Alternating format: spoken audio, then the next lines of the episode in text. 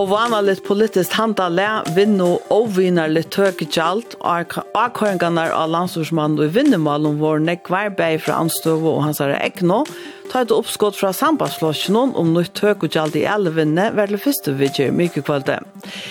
Kan anstov oppskottet bli samtikt vi får vinnenevntene av godt og folk som er født i 1906 og fors og tjejfors, og som var parster av kikselver kan ikke ikke helseversjonen, fink om det er teltepost ved vi kom om personsopplysningen.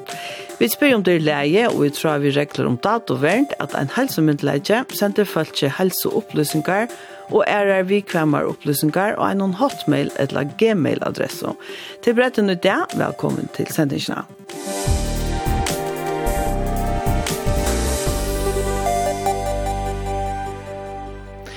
Spørskimla i samgång og folk, som er om politiska handalei til landstorsmann og vinnemalen, Andre om innehalte, tog og året, ta oppskåttet til sambandslåsjonen om å brøyta tøkutjaldi i alle vinne, vær til første vidtjer, mye kveld i 8. november. Jeg atler ikke vi er nere av stand og peker fingrar, men støvan er, og som det ivalest for å være sagt, flere ferier under sin åraskiften, vi søtte den 16. mai i år, ta tøkutjaldstien med samtykter, er vi fåri at områa i sivilskiftene, og I dag er 8. november, og her er framvis åndkjøn nye støv. Og støvan er, og i nøkron politiske malon, må vi bare asana, er vi heva ikkje avgreit tingene. Og det er simpelthen ikkje noe godt. Du tar elve til han oversi ut i samfunnet som vi kunne slappe undan, i øtlenføren og i, i avvisan mån, om uh, neioar avgjører våre tyknar rattstundes, eller i rattare tog ikke nytt kommer fram i som mål og så gjerne tullig var. Og tøtninga mi kjem mål, vi mølager for lorsten, det kunne være all løgt av drale, og ta, man må kjenne sånne visner tog, og til at man ikke skal styre ved lauka og hva vinner for dere skulle framløye, men ikke til så at man skal styre ved lauka og hva vinner for dere ikke skulle framløye, Og hatt og 140 starfolk var oppsagt angstene her i Øtjenån og kanskje i allmenn av Gøyranån, så hei meira fer og eldtog vere for jeg får semjo og løsner vil jeg se bæge fra landstorsmannen og fra fløyre her vi honom. Takk for det for meg. Ta nutja tøkjallskipan. Hon er ikkje perfekt, men det er en tøkjallskipan som man ivalest kan liva vi. Og jeg halde for å tega under vi uh, til første røvaren uh, i, i kvöld, Ona Holm Johansen, at problemet kanskje er at man ikkje har sagt at hette det her Og hetta hetta ver skipan som og fer liva vi. Vi det reier ger ger alla möjliga lösningar. Hvis man fer lost kvært og er ein lost av malen. Og om hetta oskot er rett at det tør ikkje sjá. Det tør ikkje sjá og det har alltid det framsøkt for jeg har sagt. Er det er det lost ja, det får det vidt vinnande og det har det alla rett til å gjøre. Eisen vi har tossa vi vinnarna som helt. Om kvært er ein rett skipan i mun til Og her så for er det jo ikke bare det som vi vanlig har for vapp, men alle vører som er meira enn enn krotar og frystar. Jeg vil vi oppnå sinne, vi kjører hette oppskåd i vinnenemtene. Jeg vil vi melde å få alle relevante parstar inn, hver her til høyringar. Og jeg er klarer beina veien er for under nevnta vidtjere i morgen og ærene. Så jeg vil heita av formannen vinnenemtene om å kalle inn beina veien i morgen og ærene. Så tega ut atlan morgen dagen og gjeva oss ikke for en vi har skrivet alit. Ja, jeg minnes øyelig vel, og, og vi var jo, det var en tvei mål her som vi arbeidde vi å få brøye semjo vi sambandsflokken. Eh, nämligen vi tog i vinnerlig, de var vinnerlig brillorna och det var mitt andra hetta som Karlot Hergarsson nämner att röjna att, att få en um, tökotjallstia som man i större mån uh, mette var, var, var rattor Vi tar då Ona Holm Johannesen, Honno Jensen, Erling Eideskort, Høgne Høydal og Karlat Hergarsson, og brådene vår ur tinkevitsjerne Mykdein. Sambandslokeren hever lagt et oppskott ved tinkje om å brøyta tøkekjaldet så leis at laksa framleisla omgående rundt av meira enn 2,5% til tøkekjaldet. Etter bakka frost boa ifra at fyrtøkant for å si at hun så fjørde folkene opp for noen døgn senere. Oppskuddet vær til første vidtjer og flere samgång og folk hermast altså om at målet ikke lengsjan er avgreit. At man hever det opp for å komme ved en brøyting av tøkekjalt noen etter at Bakkafrost høtte vi at det får å koste 300-400 arbeidsplasser glivrom. Ånder at oppskuddet ikke var noe vinne vinnerlig. Bei Hanna Jensen og Karla Tegersson ur framsøkt så om røynter å finna breia semjer som var sambandslåsjonen, og Høgni Høyta Sjåvor leita opp i hendene av vinnenemndene å finna en løsjon. Og nå er det om på ur vinnenemndene kommende utvarsjona, velkommen Karla Tegersson ur framsøkt, Åtne Skåli ur fakkavlåsjonen, Erard Johansen ur sambandslåsjonen, som er i formar av vinnenemndene, og Unni Holm Johansen ur janaflåsjonen. Takk for det. Takk for det. Takk det. Er det ferdig undra vi ikke oppskottet? Hvis vi blir vi formann nå? Nei, nei, og ikke ferdig om den.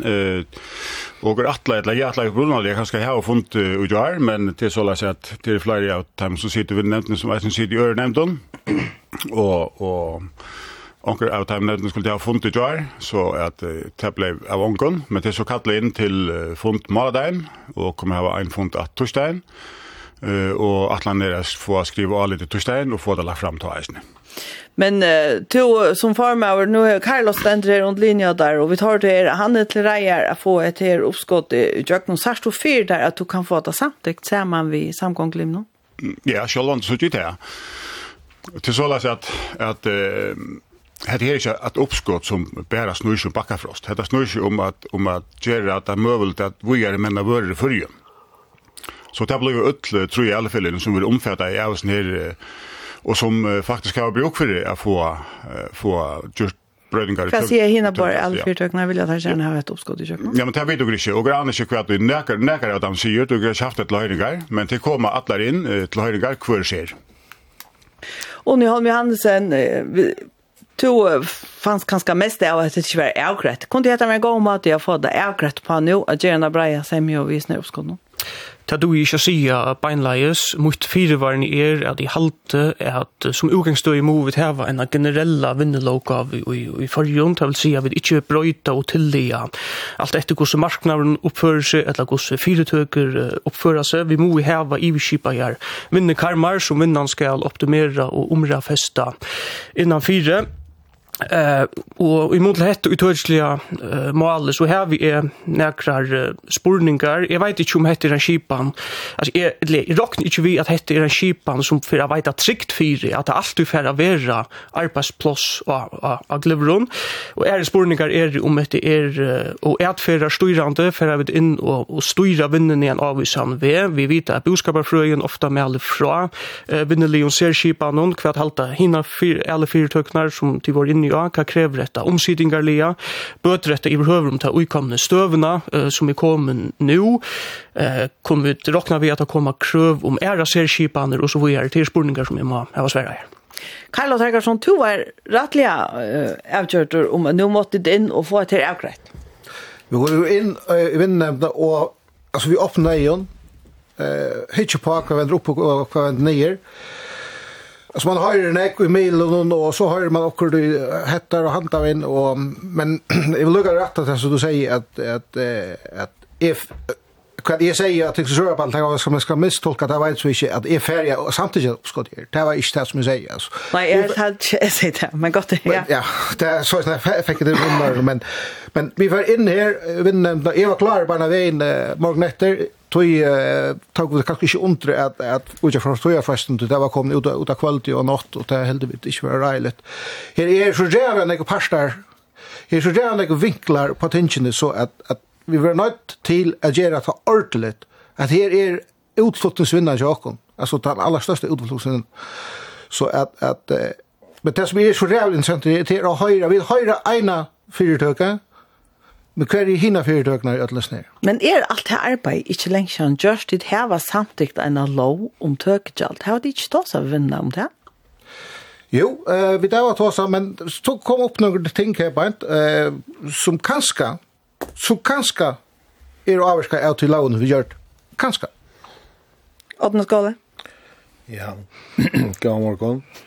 Um, til er ikke nivå om at dette oppskottet som sambandslokken legger fram er en bete ta det kjemer til akkurat det her vi litt framlåsle. Men dette oppskottet er lengt fra eh, perfekt. Eh, tog, som du har vært inne i at du tar seg ved Karlot Jane, at eh, Vi hadde vinna inne, ta i hette vel vidtjerar i var, og vinnan sier at um, hette er ikke den beste skipanen.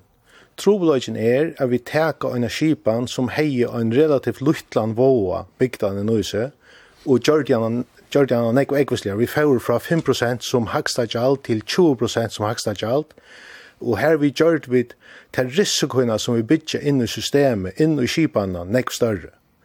Eh, og tann risikoen er ikkje bæra galtande fyrir liutvører framløsna. Tann risikoen er òsne bygd i tann stian som er galtande fyrir alle ære æling. Det vil si at henta kipanen, henta tøkkegjall skipanen som vi nu heva, eh, hever en risiko innbyggda fyrir at vi ikkje få til marginal, uiløvnar gjørdar, ui æling òsne sjånen og alla mulige ærstanar. Så det er ikkje den perfekta skipanen, og det var òsne det som vinnan sier til henne var inne i var, at det er ikkje den perfekta skipanen tar innkjønne skipan her som vi ikke færre inn og atforstyrer. Det er det som vi gjør vi at øtja, eller ta ui, tan vinnregande skal teka støve til ein boa, ein risiko at træt, og, og ta han skal teka avgjør.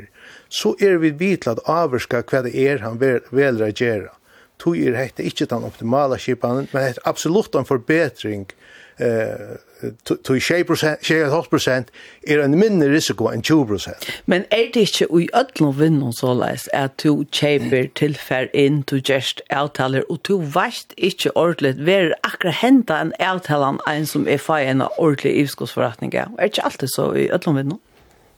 Jo, pura, pura rett. Vi kan ikke være det i alle vinnene? Det er det det er tusen æreparametrar, om det er tusen, det var det ikke, men det er nekver æreparametrar som er vi til å bygge opp til samlet risikobøylade.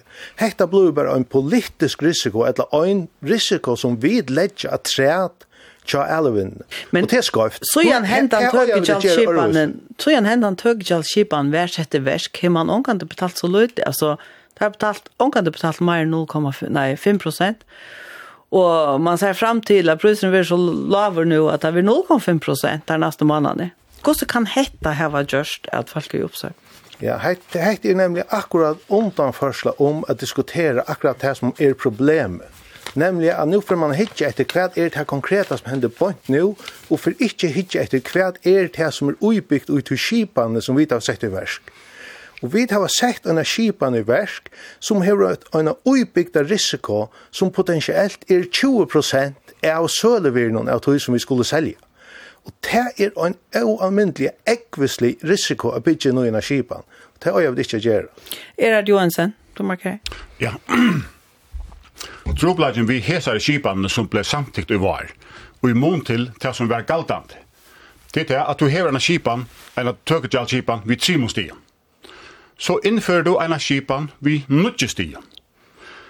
Hvis du skal heve en tøkegjalskipan, Det vil si en skipan hver du møter til at elvinna skal gjalda viss gjald fyrir sine serrettender, eller sine loiver, og slepper ela.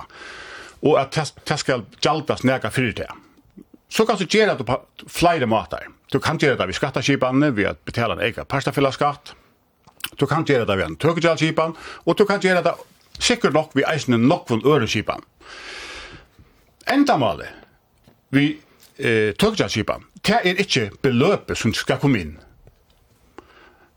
Men i hese føren, så har man vi at gjøre skipanna til nudgesti fra Simonstien, så har du ei lagt tankan og i skipan.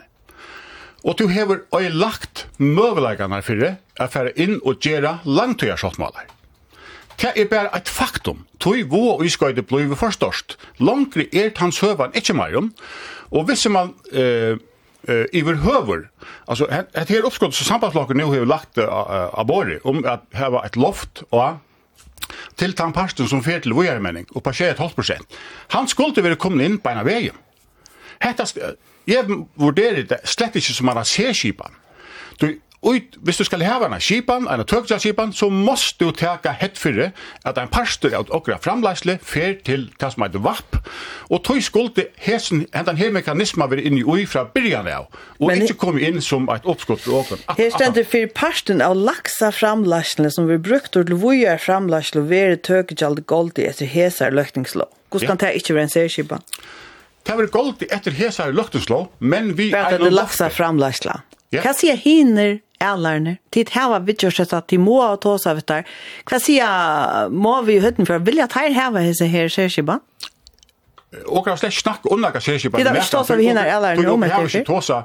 Och jag har haft höjningar i som malmen. Titta vitt, titta titta. Men släck? men ta det blev vitjus och var. Ta vär här på några fälla inne. Og ta var min greia fætan, at faktisk ull alle fylgjene, vilja heldur heva eina parta fyrir at basera i kipan. Ja, men vill at det heva hesa kipan som tida har lagt fram her. Det får jeg vita torsdag. Og nu har vi Hansen, og så Helga, nei, ja. Ja, det gjør det. Jeg hadde at, at hinne boar alle här heva fyrsagt eisen i utvarsken at det som utgangsstøy er imot uh, ser kipan, noen som der har sagt, akkurat gos derfor så lätt seg lett utøyslig oppskottet, det vita vi ditt. Men som är eisen har sagt för og som det eisen vi sagt vi bor i her, at det huxar at verande tøkjal stie ger at vajen at ger lengt till shotmalar uh, ver større. Men han vajen hever eisen veri her fra byrjan. Det kan godt være at han styrster vi vi hesa skipane. Uh, men men Elbjørnsen hever alla to i av samon veri at vapp hever til Elbjørn at pryseren av overska og lakse er så goer og hever veri det så lenge og at pryseren av overska og lakse svatchar uh, som så eisen i uh, til lengt til kontraktene som i hesen før Bakkafrost uh, gjør. Og den avgjørelsen har vel eisene vært under Tøkjallstian som, som sambandslokken kom vi uh, fri en år siden og og i var her det eisen har lagt opp til flere sti og at hei svartja.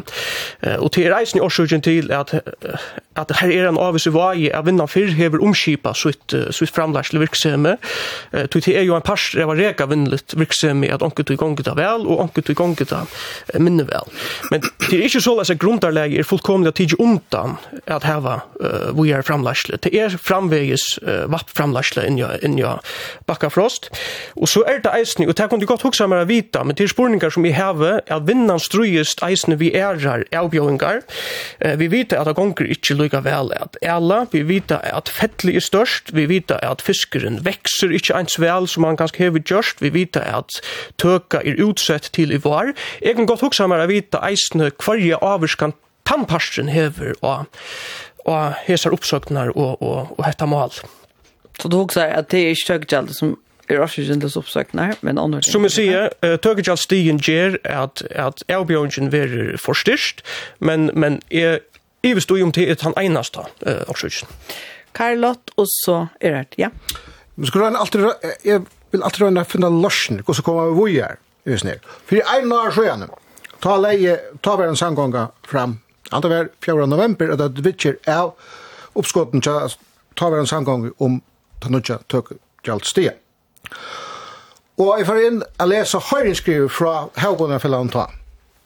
Ta sier der ikke om at hette oppskåttet, å ta oppskåttet, har neka avvirskan av app.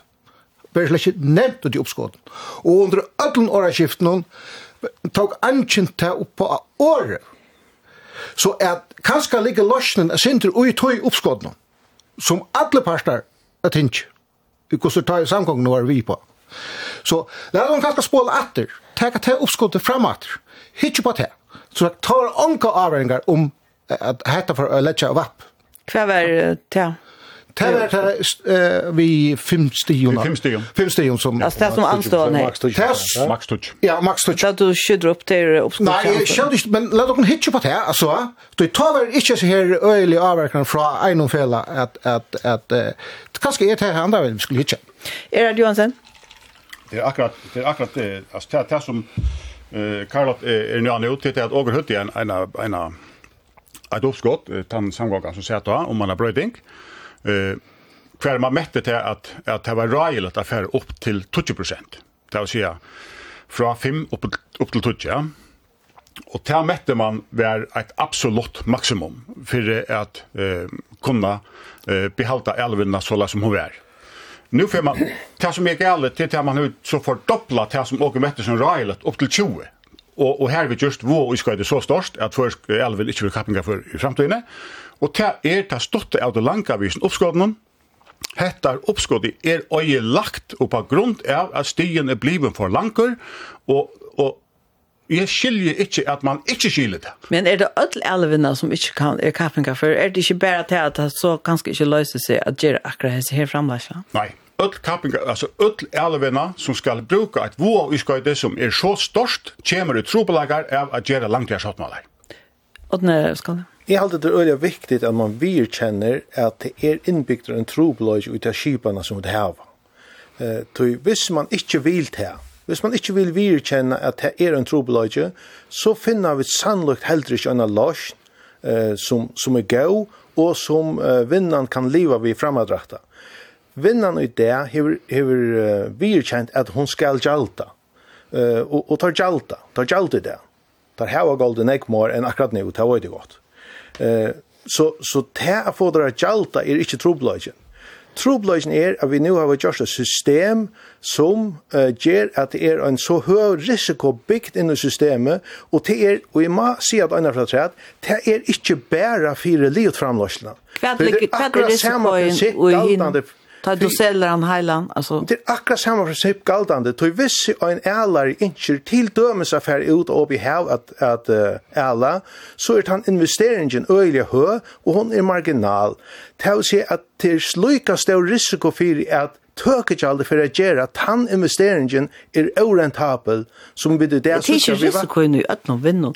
Altså nå var det... heter en politisk fastsett risiko, en risiko som er utiver til at drive forretningene till till risiko förbunden vi drar förrättning men helt en risiko som vi lägger att träd öllon hinon riskon som man över. Ja, det är fire, fyra där alltså på en eller annan måte möter man att det tror jag att det ska Nej, jag inte, nej, helt är vi allt de projekten som vi där eh är är ju inte mer än bara att ärle in jag och fjör. Allt de projekten som kostar sin extra som skulle avskrivas det är inte kraftigare. Eh de bliva bliva ehm um, eller chansen fyrir at okkar ælar, okkar fyrirtøkker for at gjera til investeringarna, hana minka vi vi at hava henda skala. Altså, Orsaka, men er det ikke alltid så i ødlom vinnun, altså du gjørst en investering, så gjørst du derfor at økjom du er inntjening, og så er det en risiko, så tenk du kanskje et lån, et lån, altså, nei? Det som, det er jo pura logisk det som Åtten Skåle sier, Alltså det att och skulle färra ut och här och titta på enas möjligheten för jag kunde besöka skola till att öka om och samla i framläsle. Det fär ut och här bara till att göra en ring som klarar ut och upp i här. Eh till att göra runt i norra till er investeringar på en miljard. Och på en miljard och på en läka som är för det första vet man inte om det fungerar. Till att säga till en risiko i tori Man vet ikke hvordan det er, hvordan det er, innvirkning vekker til dømes, kommer her og på det, og så blir det vi over til. Det er at du tek en kolossal risiko, vi har gjerne det. Og så hever du at hvis det så gonger ok, så først du en rymelig høvan skatt og på eh, og på tunna framleislig. Og det vil kalkulera fullstendig av det så kallt og kynes fra, fra alle fyrdøgnene, kommer hetta að løysa seg visse prøyser er tann og tann, og det framlæsli kostnader, han kommer hekka betydelig til å si, nu skulle du til at finne det av, skulle du gjeres investeringen eller ikke, vaskrat, og gjøre den ikke, du er mulig fyrir at du kan betala en øylig høgan skatt av framlæsli, han er alfor høver, og gjer han ikke. Karlot og så Onne. Takk for det. Uh, ja, jeg vil gå og rekke oss en drakter å at det her med landet her, som Ono var inne i Eisne Union, vi får vinne, at hun gjerne, altså höra alla parter, kvärt er grunnkjevingen, kvui man høyre rykt om att fiskere växer inte løsner og trobel ikke, altså er det här kanske grundet og nu då er vi lösna. så vi tok om, ta i løsa reglegjering kom, Ta ver gusser ein fyrtøkka så ver harst i mautetøy på alla matar. Men her bakka i den politisk myndelaget ikke. Så er han verda. Og hei, den politisk myndelaget bakka ta. Hvordan er så løsa trobladet vi er nå? Å nei. Ja, det var bare... Uh, vi tar prata som som Jack Herrianer. Alltså det tar sig sig självt är att ta i land uh, krever et høygjald for bruksrettene av alle at han føresker fyrir noen, eh, så minkar sjå han til avloppet til, til alle fyrir noen. Det sier seg sjålt. Men vi må ikke glemme hvor er det vi teka et bruksgjald. Vi halda at alle fyrir noen skulle rinda et, et rett og et rymelig eh, Leie gjald kalli eta fyrir bruksrættina ela at han føreske fyrir noen, og kanska trimon årsøkum til tog at vinnan er avmarskande, ånden slepp ikkje fram et. Det avmarskar anna virksemi som annars kunne veri at heim og fyrir noen. Ela virksemi dolkar eisen der føreske fyrirnar og så vare. Tui skulle alle fyrirtøknar betala fyrir tann uh, bruksratten. Og ja, kanska er eh er er ta en avis risiko kalkulering som vinnan ger men vinnan hevur framvegis stórar uiløv i atlandir fyrir det komandi årene. Vi tørðu berre viken ja bakkar frost til hevur ein uiløv i atland fyrir 30 milliardar og i farjun fram til til 2028. Alle fyrirtøknar har framvegis stórar atlandir um at økja framlæsluna eh uh, og i farjun og bætt nú som tar skipan som vi tar nu eh, ger framlagsle kostnaderen er at vinnan rintar lotvurst lite just nu tog er framlagsle kostnaderen er i våren så så høver eh, tog er at at stien er er bæði progressiver og han tekur hatt fyrir at at vinnan skal rinta minne ta gonga minne vel við Ellen. Så det har eisen vi til altså diskussion. är det? Nu eh nu tar man om om om om våar och och risker i en arvinne. Ta jag var större enn alle fyrtøk ut 2012. Ta var okra framlagsle kostnader, samleie framlagsle kostnader för en lax som var packaver och uisaver i en polystyrolkassa, 22 kronor. Nu er han 1,5 kronor. Ja, det er et mjall her bakka fra stendet for 45 prosent av tog man råkna utfra. Ja. Det er ikke mye inntrykk av at uh, framleisle kostnader ikke er vaksen. Eh han är vuxen. Han, var... han, han är vuxen där ser där, men han är inte vuxen lika nog. Men alla ser.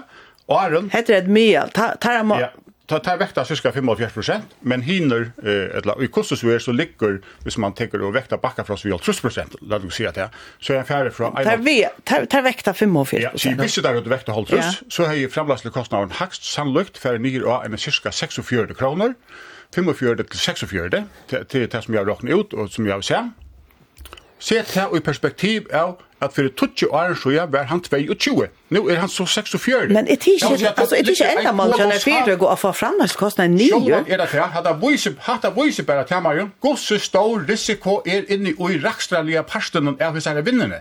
Tui skulle og ikkje letja ein så stor skattar, ein så stor skattar. Det viser eisig hvordan så stor vantner, det var eina fire som er så ræra stor. Ja, men okkur hava trutja sige, og hvis du vektar bakkafrost vi, vi heltene, så kommer du allikevel fram til en framlagskostnad som ligger på 45-46. Hvor stekker det minsta? Eller mial av Ødel Trimon? Ja, til mial. Nei, det er sånn at ikke... Ja, Ådne? Jeg får skifta spår og lutsynder. Nå er det her kom jeg bare, Eh, vi har et bå fra sambandsløsning om hvordan vi løse den aktuella trobeløkene? Og jeg halte at uh, vi som skipan, eller den politiska skipan, øyre tagger med til tog tilbånd, eller tog oppskått noen, uh, og jeg halte at øyre samtidig det. Men samstundes er det halte er øyelig viktig at vi gjør hun klart at det er ikke den beste skipanen som vi kunne hava fyrir gjald av elvinna. Hva er den beste? Ja, vi tar jo på det her. Er det var inne av de Jan i Øsne. Vi halta at den beste skipan er at vi fer i hverandre skattebasere skipan som man har i Norge her, man har en kolossal omstøyting for å få at det heter en simpel føresklosj. Det kan godt være, en vanlig partaflaskatter er en simpel losj. Eh så, så det blir vel til å gjøre det som en simpel losj. Det er en losj som er noe som vi kjenner, det er en losj som var anfølt, det er en losj som øysene elvenan tar i vidt høtt i etter omfærdig og i var, var inne og snakka om at det var en potentiell mat i losj. Det vil jeg gjerne ha til. Det har det sagt nok skal. Det var det som det var inne i att ta. uh, om det er det rette, det var ikke, men i halvtid at nå tar vi skulle til å diskutere det, eh, så skulle vi eh, vente øtlån tar med målagene som et halvt er potensialer, det heter bästa bøye som det har vi løtene, er at vi flyttar til EU-lande skattebaserade. Ja, Skattebaserade. Er du anser for to å ta det oppskottet opp, eller? Ikke samband med vitjena, ikke samband med vitjena hesen her. Du hade her er ein jeg meiner hette er et absolutt nøye tiltak fyrir at kunna retta eh sjølva tøgdalsskipanna som vi har det. Du du i munnen hoheime så bleiv tøgdalsskipan og lukt, ta i stigen bleiv for høver. Og suttja og i norra, per og der avsett en grunnrenteskatt. Gosse trobult er å finna en løsn som skal rokna grundrentene av ærling ut. Skattekommisjonen har sittet i flere år, og nå kommer vi an det. loven er sett til gilde, men stadig vekt han det og det er det store, er det størst spenn, lykke fra 20 prosenten opp til 45 prosent, eh, som er på og på grunnrentene. Og tog det bedre og på... Hva er grunnrentene? Grunnrentan er tan, er, er, tann, er rentan som man meter Alltså är det tillfångsränta? Vi överför det till förs vi skiftar tillfångsränta. Okej, så kallar det bara det, ja? Ja, det är grund... Ja, det kallar det en grundränta och och det är en tillfångsränta. Det är det är det är en tillfångs. Det det är en en en framlagsla. Det var ju bara gosse tropelt är att räkna ut tui. Visst du ska räkna ut så måste du göra ett mial för allt ett halvt öde och tui som som för det här var ena tillfångsränta en annan fjör hever en helt ära tilfångsrent. Så las er älvarna skrua saman. Som fjör er det fantastiska gård är löjt och kan äla nok, och du kan äla utan troplägar. Är här kan du äla löjt och vi står troplägar. Ja. Skal det. Og tog er nemlig at det er gjerra en ganske myndelig partafella skatt her som vi hakka til gjaldi vi øynløren prosentsatser. Det er politisk preis men vi må ikke abangera Er absolutt en skipan som hei bor til at innførst, og som hei vært omsidelig, uh, som har anfallt, som öll skilja, som er inne i öllom systemen i det. Eh så så som alternativ till hese skiparna som diskuterar nu är det absolut det bästa boy så suttje løtene. Men här i norra har man så sagt att det är omöjligt att få jöken först när det är rent alltså galt och älven att det lobbyismen är så stark att det blir Alltså det det stort det då skälar han visst extra än första skipa. Ja, men det här var ju inför. Och i samband vi till hade en där i New Lux Hotel här en norsk professor var och han i samband vi så här Ulövnar han han säger att men alltså älven han helt uppenbart det skulle ju Ulöver utan att ta ett lån. Är det vi gör om vinnum så vet man du just den där ulöv och pröva några att för att öka om uh, vinningen och kanske det kan kanske det inte och här här man uppenbart har fätan att ska kunna betala kontant närmast för det. Är det nog ulöv va? Först i alla fall ni har eisen lån. Vi Hikker rockskapen särskilt och stort lån till Backafrost. Så, så tar jag här samliga lån. Men, men det ska inte snicka som Backafrost. Mm Hetta er ein rønt, vi er snupskotten for å vente atter til det. Hetta er ein rønt til, hetta er man slett ikke den sérskipan. Hetta er ein rønt til at tillega tøkja skipanna, hvis jo skulle hava hana, og så lånt jo hava så må jo bare hava, eller teka til etter, etter, etter, Hetta er etter, etter, etter, eh rätta och på henne så läs att du kunna häva en framläslig förrjun kvar du ska göra långt jag satt med dig. Men det för så för att lucka runt där ja, att när lucka. Troubles nere är att du har start veck 20% inne för all ära att en annan aktivitet och i ärling.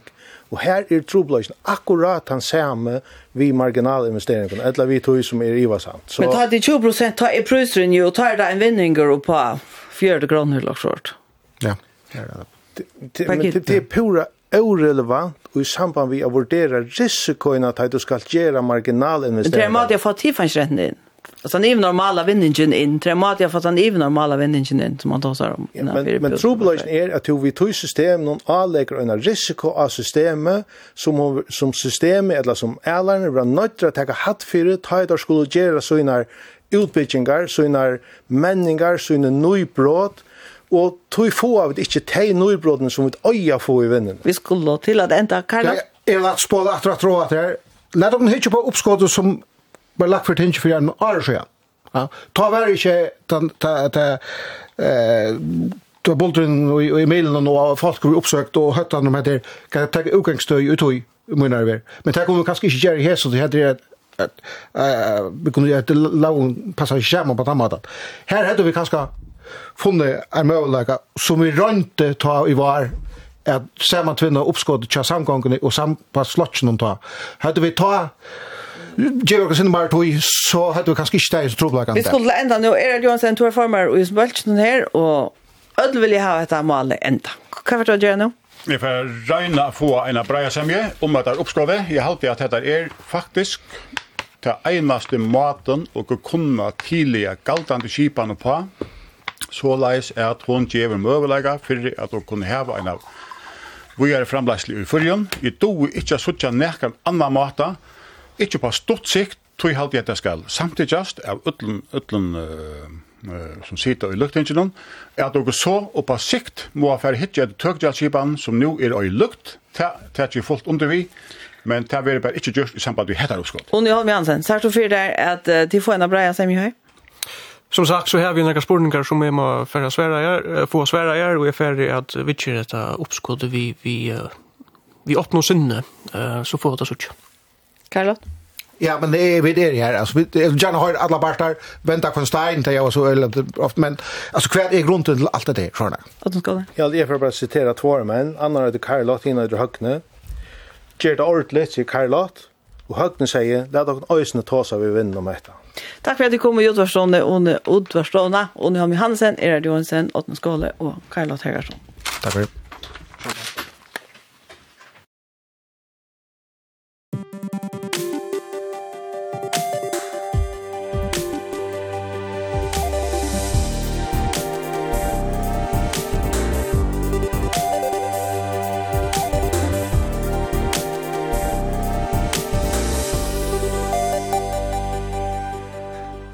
en allmenn myndelighet sender helseopplysninger og vekkfemmer opplysninger av en hotmail eller en gmail-adresse. Er det trygt, og er det travi regler og fyrkipene om dato og vernt? Det spør jeg vidt nå.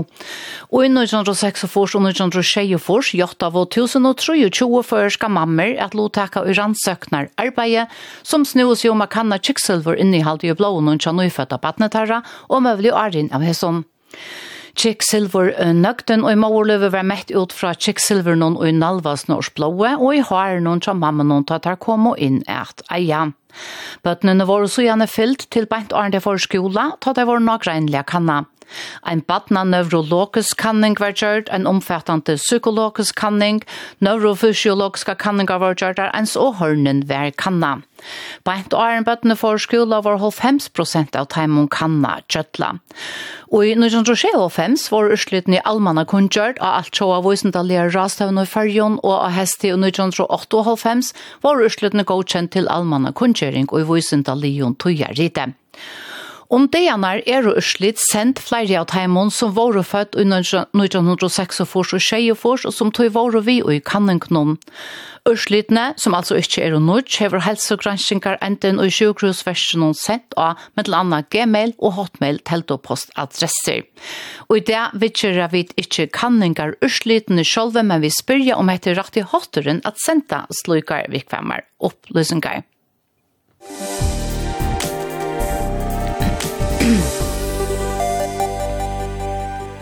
kanske det är att man man huxar mer framöver att bruka de här plattformar som är tryckare i det man brukar.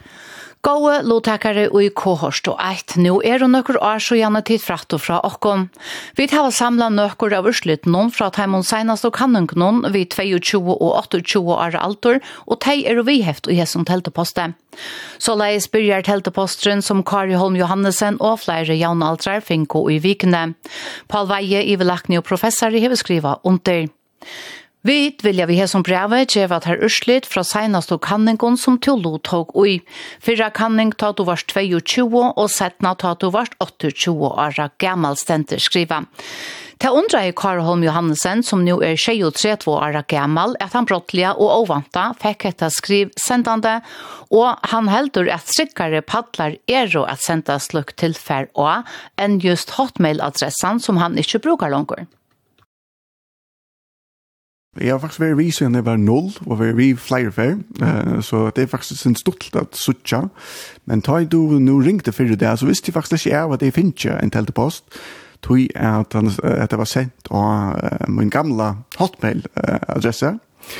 Um, men da jeg så nå for å hitja, så leier jeg nemlig mest til at, uh, at, at, at helseopplysninger ur disse kanningene våre sendte vi. Uh, Og jeg prater sin til vi, um, mine jævnaldrar, og vi undras kanskje alle sin av at man sender helseopplysninger ut, særlig, kan si, vi, vi um, timer, kan si, brillene vi det her vi det, og her vi det også mer om trygt og personsdata verent, og at, at helseopplysningar som er vikvammer vi vera sender ut uh, at heltepostadresser. Og det her var vi er kipaner um, som er tryggare, uh, samleikan, venkan og så fremmeis, som man har kunnet brukt i det, og som kanskje er uh, en, en standard som vi bruker i det. Sier du at du ivast uttrykt enn at du snur seg om å sende slukka opplysningar til døms og en gmail eller en hotmail, altså? Jeg vil si at, er at, at vi nu til bilden så ofte man kanskje har brukt de plattformer som er tryggere i det enn en det våre for tutsjøren så gjerne til demes. Några andra är att du var 22 och 28 år gammalt att det känns så kan den vara gjort och det är ursleden till fast nu nu är det tjej och 32. Är det löje och, och sent och är det inte ovanta att, att få hans upplysningarna nu? Ja. Ja, man er ganske vant av, altså, hun sier at att, att, ikke finnet här upplysningarna är stort at han har ta i man äh, 28 år, det seneste kan det være. Um, Men hvis man nu kanskje vil til suttje til her, så er det jo eisen møle, har haft, eller vi er mølegar vi, enn er anker skipan det, at valta til, vi suttje jo det, at uh, bare at, at vi er seg for se så inn, er, er kanskje blind et emt evne, at man kanskje kunne valta det uh, til, at suttje seg opplysningene er nu, tutsjar, uh, at han har litt. Og ikke bare få det ovanta? Ja, att man kan uh, ha möjlighet för för att välja det till helt en kanske bara få åt centralt. Nu vet jag själv vad är själv runt skru över touchen så gärna.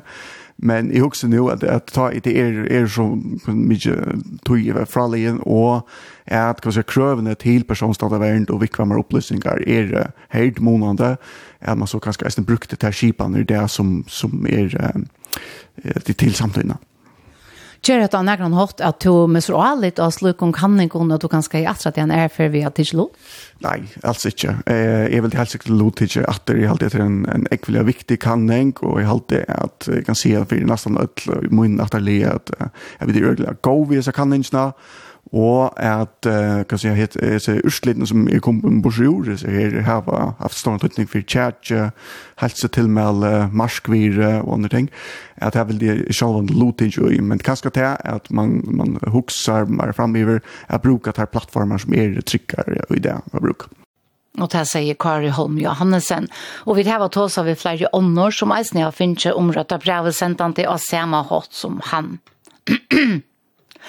En kvinna sier at hun det skløk, bare til at hun ikke visste om hun iverhøver ville vite ursluttene nå, som hun går skjettene, men eisen til hun iva er større og uttryktene av en ompadle som gmail-adressa henne er.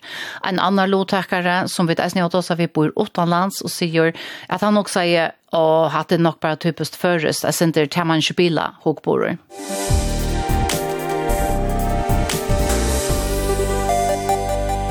Tauri Høygård er stjåri av dato etterliten noen, og vi spurte han fyrre morgen om det er utra ved regler og fyrirskipaner om datovernd, ta helsegranskningar enten og sjukkrosversjonen, sender virkvemmer opplysningar og hotmail eller gmail-adresser. Det som man kan si er kanskje er en risiko ta du sender til for eksempel hotmail eller gmail eller er det online mail-tjenestene, til det at du kanst i prinsippet risikere at mottakeren ikke er han som du heldur han være. Eh så det vill säga att att skolt om det att det är själv är inte ett vad man säger ett issue att du sänder till adressen här så måste du liksom ge åt land ägla för att trycka där är att han som du sänder till är han som det helt det där ja. Ehm som jag förstår i det av såna kanning någon så jag talar om teltpostadresser som som det skraset du själv har uppgivit på ett land tidspunkt där. Så kan man säga så är risken för att det den skojve vikman som fär teltposten nog inte så rävliga stor. Eh och och och näkvaras adressen där så när man skriver och ändlar underliga kombination av av såna namn och töl och bokstav och short man var teenager när vi och och hvis man så ymynda så är man annars själv hur skriva skriva eller att hej har skriva skojft. Oddsen är för att du så tillfälligt exempelvis räkar kan annan är nog inte så jävliga stora. Hur det avskan, hur det kan säga att det är längst så jag inte har haft samband senast? Nå, i utgangspunktet ikke. Altså, man hever, man hever i, i reglene og jokken hever man ekka vi at man skal stryke opplysninger til man ikke langer utarva dem og så gjør, ja. Men det er en individuell meting som man gjør seg, og, og hvis en dataarbeid der eh, hever en særlig årsøk til å bli velig inn i opplysningene, så er det i utgangspunktet i ordan, så, så det betyr ikke noe i seg selv, men men du kan så nu komma ut för att en dataarbetare här upplösningar som man borde ha släckt. Så till till att det kommer an på det konkreta mål, ja. Men hur vi kryptera och man hör ofta att uh, såna teleposter vi vi av en upplösning nu skulle vara kryptera i. Ja. Alltså det som vi säger är att uh, ta du sender personupplysningar om vi ställde post så ska du ha ett ett grundläggande eh nivå av kryptering og ter flest hotellde på skipan er det hava ter som utgangspunkt. Eh tel seg at det fungerer så snær at hvis hvis to hotell på skipan ikke hevur det, så vil mun hotell på skipan ikke mottaka mail frá ter. Det er simpelthen avvursta. Og og ta er teltposten, altså han ikke krypterer, ta du hever han, men så sender du han til moin, og så er han krypterer, men han er underveis, er sagt, og så færer han, man har nattru klartekst i hinnendan. Men tar man sentur vikfemmar upplysningar så ska man liksom göra såna mätning eh kvärt är risken vi är ner. Visst nu är upplysningarna kommer över kärsta händsna. Kvärt är avlen kan ta så här var fyrt hans var upplysningarna. Och tandmätningen vill som hon för föra till att man har haft man ser ett högre nivå av kryptering. Ja? Eh så så till en mätning som dataarbete ska göra så vi vi kallar det en nivå mätning. Ehm um, kvätt är risken vi är ner och hvis risken är för stor hur så får ju liksom finns det risken ner av ett acceptabelt nivå att ja? och det kan vara att man väljer en lösning vi stärkare bronkling än det som är utgångspunkt. Ja. Men det som står i hessen telteposten om, det var opplysninger om imisk personlige vidskifter og helselige vidskifter, salarlige støver og annet. Ja, altså helsopplysningar sier man i utgangsstøyen, altså er jo viktig opplysninger, og da sier man at i utgangsstøyen er uh, risikoen for den skrasetta høy. Det vil si at ta skal man og gosser ehm omhuxa att att se ett onkel stänger till det verk för att få att det skulle nyra. Men visst det har för exempel Joshua och again ut så det har att här Joshua snack nu risk värderingar så kan det vara att det kommer till ny stå att det så vi har här och vad är och så är är en acceptabel nivå och to ger vi det på mått. Men er, er ta og i utgangsstønnen ok a sende slukar uh, opplysninger og gjennom å okryptera hun teltepost i en hotmail eller gmail-adresse? Ja, hon er så i gosse så er vi ser grunnleggjande kryptering. Ja. Og, og til at det er, altså, man, man skiller mittelen personopplysningar og vikkammar personopplysningar, men og og sjálvt om det i utgangspunkten om betyr at at det er en, en høres så går vi større vikkammar tar man så gjør det i tøkelig med etningene, så er det ikke sikkert at risikoen er så stor allikevel. Ja? Så det er alltid, det skal, altså, loven bruker at det, hodet ikke, det skal være våa grunda, så det er som du gjør, det skal være grunda at han våa som er. Og det kan godt være at man gjør sina meting, så er våa en ikke så stor allikevel. Ja? Og det er den individuelle metingen man skal gjøre, så, ja? så kan man ta ta kommer an på alltså det kommer an på kvar så sen då kvant du sända till och så forskjellige faktorer där. Hur kunde man snillt där i haft just det? Alltså det är det du ska trycka där med att där rätt ja. Och allt som du kan göra för exempel det är inte vi kommer det är stort han vi kommer så uttalat då är men man kan också nu för exempel eh min box till dem så här du går så service så för med att kan ett han som du helt ran vara eh man kan näka så primitivt som man sänder vi vi papperspost alltså tabloisen till alltså det är forskjelliga är matare jag det på. Och och meeting okej eh tas vad att låta göra är det något sikt eller inte visst inte något sikt kvar kunde vi så gör kan det være bedre hvis vi brukar nära kjipen og så gör ja. Och det säger Tori Höjgård Stjore och utåt och efter lite nu. Hallå, ja, välkommen velkommen til stanna. Ja. Du har skrevet undret av brevet som ditt sendte og lovtakar noen vikene. Og spårningen som vi har sett er om at det er så snilt og mot datatrykt og flere av dem som har finnet telteposten undrast vi tar å ta seg til. Hva er det at de har sendt den telteposten? Og hvordan er det? Vi sendte om... um, så knappt lika nu chontra som är ju akkurat kohort och ett till sig det som var född i sex år så tjej förs som vi där över in kan kan jag ju komma en kafé och nu här har vi vi senast när Maria Skolm Petersen vi är kunde huxa om affär att att göra en mycket kanning av dem Og til å se en ordentlig større kanning som krever noen penger, og vi da arbeider sitt vi tog, men ikke finnes det enn, men vi ånden til å komme og da gjøre det, tog vi atle fortsette å kanne det i Jøkken Løyve. Så det tog tid, Lukas, som ja, fruttet du der 18 år? Ja, så var det et innskje fra en fra noen samstarfeller han Jøkken i USA, som har interesseret seg for kus de hva folk kalt om grinden nere i Karibien en är och og, och Og, og så hugsa vi det er interessant å vite hva er okkara uh, unge folk nå i, i gåen Aron, hva de halte om til at det er grinn til at det Så vil, jeg, så vil vi gjerne gjøre en, en liten spurnakanning.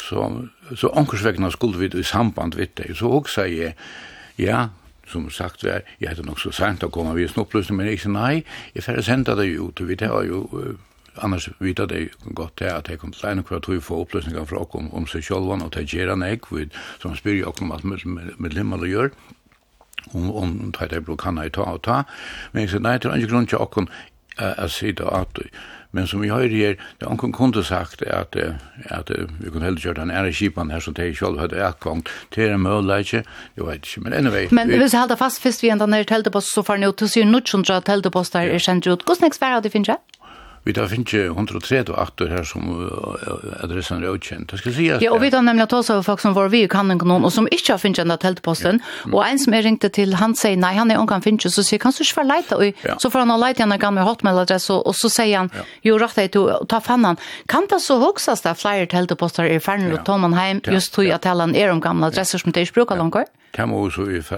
kan etter, Vi har brukt her, her teltpostadressene som de har givet oss. Og det er jo gamle, det heter nekvar så igjen, det har vært sambandet gått. Det var 8-20 år da. Og så, det vil si, det er ikke en, en teltpostadresse som vi har leidt fram æresans fra å halte, det er adresser, og mer vidande, vi har finnet melding om ena som vi hadde skriva for kjærst, og et punkt om i midlene, et fornavn og et navn. Men Så vi har simpelthen brukt det som vi hørte fra Taimon. Og tatt du nå har Iva Malen i hoksa, så kanskje at de kunne ha sendt utslitt noen ja, annen nå? Ja, det er ikke inntrykket på meg at vi har Iva Mal, til det at um, Iva Mal, ta, ta, ta er det en, en, en, en forstyrrelse av tranen mellom okken og, og lotekerne til okken. Og det er viktig for meg at det ikke skal være. Så det var nødt til å sette oss nye og hoksa om. Men mitt problem er, vi gjør denne vårmetting så som så sender du lovgavene, og som, som vi enda skriver av nyere, og vi sender nekka sted. Og her, her kommer vi til, til til at vi bruker akkurat ta selja nummer som de kjenner, 1995 eller et eller annet, som, som, som er et unikt nummer, som tei og vidvita, og så sett vi, så skriver vi at vi skriver ikke et navn, vi bruker bare fornavn, fyrir at jeg uh, skulle känna det åter så det var okkara och i okkara vår med det som vi ja. trikt som vi lödde in men uh, om det är hinvägen så också det är som vi tänkte jag har kört fyra sälja för när kunde annars så gärna sända vi vi kom förlåt för posten. Den tar höger högar där som man var. Ja, jo, till till mycket gott, men du riskerar att det ligger ett brev här och en postkassa är som personer slett inte är och så. Jag står det ganska mycket mamma nu så sen hon var. Ja, jag kunde någon läsa och det mamman har ju inte. Hon ska inte läsa och ursluten ja. Ja någon. En annan ting jag kan till är en triangel av oss när folk någon. Vi går till lands, när vi går Danmark, men det är ju spjärd vi om kvar. Jag känner onkran som bor i Italien och så framvis. Men uh, nu var han nevnt uh, vengen og, og hver jeg paddler veit det. Kunne du ikke ha valgt akkurat Hvis du valgte, hvis du valgte um, min boks eller venkan, så hadde vi jo ikke nått her som er i utlanden. Men så kunne det kanskje være enten at det er nødt til å at du kunne ved telefonen og ringe til Nordtrondra ung folk? Ja, det har vi prøvd. Jeg, prøv, jeg ringte til 1023 og ta i munnen ta i byrje etter her det var avhåret skal du ganske plagera aftur. Han skal hente det. Men Kjell, du en ein dere sier, og jeg drar ut telefonen ved meg, at, at nå, jeg husker at er sikkert til typisk først, har man spiller hukkborren. Kjell du at dette kan skal være helt av dem som er yngre enn to er, er det ikke først og tøtla og rødkjast litt? Jeg vet ikke, altså vi kom så i akkurat var med, ting til til at det var ikke... Uh, fersjut etla, etla riskabel vi kom til til at det var en rymlig ting at gjera, tog jeg vet at du finner ikke tilpassene fra Taimon, og vi setter ikke etternavn jo av bare fornavn. Det hilde vidt være en, en rymlig trygt, men tog vi rett ut tog at uh, vi kunne ikke være sikre på at, at det nått fram til terra, og det ligger i, i, og i en telte postkassa at heim det ikkje brukar meg, så som trans personen som du nevnte jo Johanne fortalte der til og til til at truplægje for meg eisne en metodologisk truplægje det er jo gjerne at så ångsvegna må vi fer hugsa om hvordan vi finner ut av om folk folk har har finje post Ja så Karl Holm Johansen nevnte at vi nu tøyer brillon vår vår er paddlar og flere som er hevet hos vi som altså er jo jankom vi han og kanskje yngre til her om de halte at det var øyelig løye att att att man har sett detta en hotmail till hon kan kan vara hacka men formellt är det så kanske inte några trubbelage men det är öliga personliga vi skiftar mamma säger. Ja, ja, ja. Hoppas att du inte att det kan ska slansa inte bättre ett år antit. Så så att det inte kan komma skriva händer. Ettla eller alltså inte komma fram som det är nek. Men jag kan alltså så bär jag hot mail och gmail är är är är trutcher trutcher mail du ska ha ett pass och för att släppa in till tunna och så gör så gör så det och jag håller det att att vi det då at det er et, et trygt nok, da jeg vil ha gjort det på enda måte. Men uh, vi, vi vil ja, til ene på at vi reviderer en en av våmeting og funnet ut av øren, men så jeg har også det problemet at jeg kan bare ikke, det er ikke noe mye jeg bare teka vengan tog at en triingur hever han ikke. Det er jo tvei ting og just kan man si om framtryktene, uh, så er det eisen til at vil er overhøre vite hetta nu. Det var, det sendte eisen jo som telte på sånn som jeg har sett, som ditt har sendt, kjøvegater, ønsken tykkar hun finnes skjønnløtt brek av kjekksilvere, og det var å kanna et over 22-28 år, og nå er det 36 og 23 år gammel, og her stendte med til anna, Talva nia fyrir viser tun i urslut, Balko i Kjei, Breier, Entløkt eller Førlager, og så var han nevnt fingrafime, sjåtleitje, abstrakt hoksan, mål, åra fannsje rum, rattningur, innlæring og minne. Hvor er halda dit at jeg overhøver vil jeg ha vissa vitanna nu at noe sånn er kvar? Vi tar gitt om det, og hvor er vi tjej og arg, og foreldrene da, vi er 14 år, og så fra vi så, Ja, tid han, tid han åpenlagt vi har arbeid vi. Himmelen skal si at jeg, i Øtlandføren har vi haft ildkron og nekka som vi kunne gjøre nekka fyrdek, for eksempel at jeg sendte det lojer kanninger eller vi kjere. Det har vi sagt om det beina vi, her som nekka kunne gjøres. Det er ikke nekka som vi tar forsømt her, og som nu kommer. Vi tar bare som utgangspunkt til det til at folk var interesseret i å vite om seg, og hvis de ikke ville det, så, så kunne de, så kunne de bare kjøre det til viks, og Men, uh, men det er möjligt att det skulle finnas finnes former i fremtiden her vi um, at, uh, upplysningarna om till litcha av litja av telt og tøtjer, og at en hver borgare, det er viktig för mig at det er ikke vi primær som eier inne, det er akkurat lovtakere, kohort og lovtakere som er det første og andre råd. Og tog er det vel kanskje en idé at færre arbeid vi en mulighet av folk, en akkurat tog kunne sutja hva vi eier om teg, så det er telt og tøkt, og vi er omkron liklån som Og det er teoretisk, jeg kunne sagt hans fyrst om at det var mulig, og så er det kommet ut i det at vi omgang til å komme til nekran og gå om opplysningar som forstyrra og hans herra, eller henne. Altså uimynda seg sjolvun kanskje? Ja, uimynda seg sjolvun, men skulle skulde Henne var en sånn, altså, men hette meint som en, som en, um, som en slags um, hälsan fra okkon, at um, hetta var så lenge kom vi senast, og vi fyrreik og kom på for å bjøre atlan innatlande kan, og så er det som en är så ju spår här att jag kunde föra in en tryckan server och jag kunde svära någon spår om om kvätt kvätt för grunda vänner här här och för det här och för tyn. Akkurat. Du ser att en hälsan från Akon till skrivas nu till posten att nu är några år sedan senast och och så skulle det att det så smått ungefär en huxa att om att göra något stövmätning och och det som något kan kan det första ha fortsättning. Är det tror att det är det så enkelt som att det här titta bruk för dem natten nu tror jag det är så här just nu. Nej, nej nej, vi jag vill brukt alltså en kohorstekanning som sälja oss ner her som man her som vi fylltja først fra fra til det kom i heim. Intensjonen i henne er at, at jeg bjør dem uh, en reglig anjocken löve och vannande helt opp til ett lösar. Mm det var så ikke er, men altså, så at vi kunne sutja at, og, og kunne forklara det forskjellige helsefyrbrygde. Nå er kommet det norske steg til Naron, her som sjukna byrja koma i fjörde årene, altså i kjærna, og da var det sera av og verst.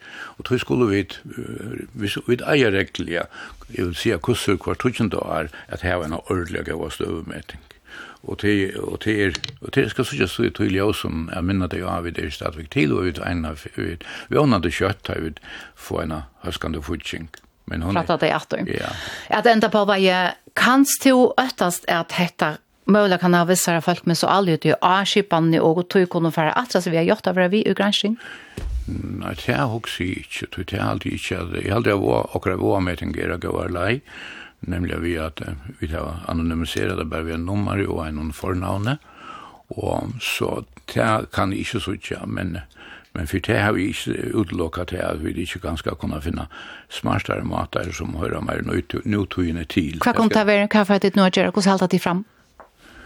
Ja, altså, hva var det? Det kunne godt være at vi, at vi kunne kommunikere om et, til, om et, om att eka passord som de skulle som vi sända med åren och som så skulle de bruke at öppna posten vi jag vet ikke, jeg skal ska inte med klokken på sånne ting till det är inte til det for jeg snakker vi vi folk som är skilfyrtøy, men nu ser åkken intentionen at hvordan är att å være av haksta trycktaste i som är praktiskt möjligt. Så fiskligt det det mest extrema vill det vara att det är för utan en länka affär och är to Ellen Winterpolsen ja det är ju här har ju den östligt och judar till handen alltså det var det extrema och vi kände det och jag gav det till att säga tack det var ju tror jag allt för perfekt men vi lever inte här vi skulle finna ett ett rymligt sti och Nej nettopp blev av det kär och tyska tryckten vara så otroliga hon är så tydliga mycket. Ja amen och är ju så sant.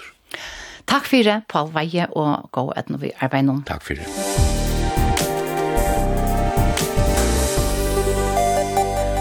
Hetta vær så tævit hatt oppretta noen idea om en løt og vere sendingen tøk som poddvarsp og av heima sujo okkara bretten vir eisne endorsenter etter togentene av nottra. Hever to vi mersingar til sendingena hoskott til evne eller kanskje et prei, takka vi til ferien måte send okkara en teldepost og bretten kurla kvf.fo og av bretta redaksjonen i idea vår Marion Dalsgård, Elin Winter Poulsen og Hattler av Rena som eisne var redaktører. Takk nu går Kari Annanberg. Vi tver at vi er noen nødgjum bretta torsmorgnen klokkan 12. Godt vikskiftet.